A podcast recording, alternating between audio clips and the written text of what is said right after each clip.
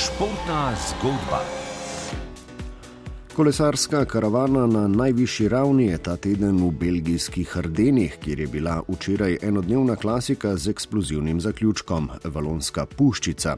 V nedeljo pa bo še zadnja v nizu spomladanskih klasik Liež Baston Liež. Tam bo lansko zmago branil prvi kolesar sveta Tadej Pogačar, ki mu včerajšnja generalka na Valonski puščici ni najbolje uspela. Več o kolesarskem dogajanju v jutranji športni zgodbi Igor Tominec. Včerajšnja trasa Valonske puščice je potekala v slogu valov in v slogu številke 202. 202 km dolgo dirko je v novič odločil zadnji kratek, silovit spon, kjer naklon doseže tudi do 20 odstotkov.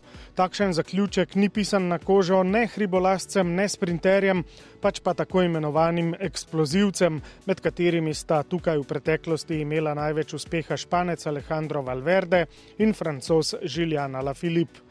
Tokrat pa je vse presenetil 30-letni domačin Dylan Tunes, ki je po 11 letih Belgiji spet privozil zmago na tej preizkušnji. Dirka se vedno konča na istem kraju v središču francosko govorečega oziroma valonskega dela Belgije, začne pa se praviloma vsako leto drugje. Zaradi teh različnih tras, ki se stikajo v središču dirke ali recimo temu tarče kolesarjev, se že skoraj stoletje imenuje Valonska puščica. Zadnjih 40 let je to središče mestece z 20 tisoč prebivalci v I zahodno od Lieža. Ciljni vzpon, ki se imenuje tudi pot sedmih kapelic, je v kolesarskem svetu postal tako znamenit, da je na njem že štirikrat gostovala tudi največja dirka Tour de France. Najboljši slovenski rezultat na tej dirki je lani z drugim mestom dosegel Primoš Roglič. Letos se je zdelo, da je še korak više sposoben narediti tedaj Pogačar. Tudi prvi kolesar sveta ni imel tako eksplozivnih nog kot denimo zmagovalec Tuns, španski veteran Valverde in svetovni prvak francoza La Philippe in je dirko končal na 12. mestu. Letošnji zmagovalec Dylan Tuns morda ne sodi med najbolj znane Belgice v tem športu, tudi ima že kar impresivno kariero.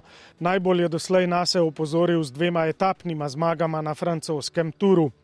Med drugim je dobil lansko osmo etapo v Deževnih Alpah. To je bila tista etapa, ki smo si jo slovenci najbolj zapomnili potem, da je v dežju in mrazu tedaj Pogačar v Gran Bornondu že odločil tur, potem ko je vse favorite premagal za tri minute in več. Etapno zmago pa je pobral ubežnik Tuns. Belgijec dirka za močno slovensko obarvano moštvo Bahrajn Victorius, največkrat tudi včeraj ga je na poti do zmagoslavja vodil športni direktor Gorast Štangel. V dresu Bahrajna se mu bo v nedeljo v Liežu spet pridružil Matej Mohorič, ki bo po Gačarju v dresu Emiratov spet slovenski adut na nedeljski še večji klasiki. Žal trenutno ni zraven tretjega slovenskega kandidata za zmago Primoža Rogliča, ki okreva po poškodbi mišice in ne želi ničesar tvegati pred dolgimi višinskimi pripravami in vrhuncem sezone julija na francoskih cestah.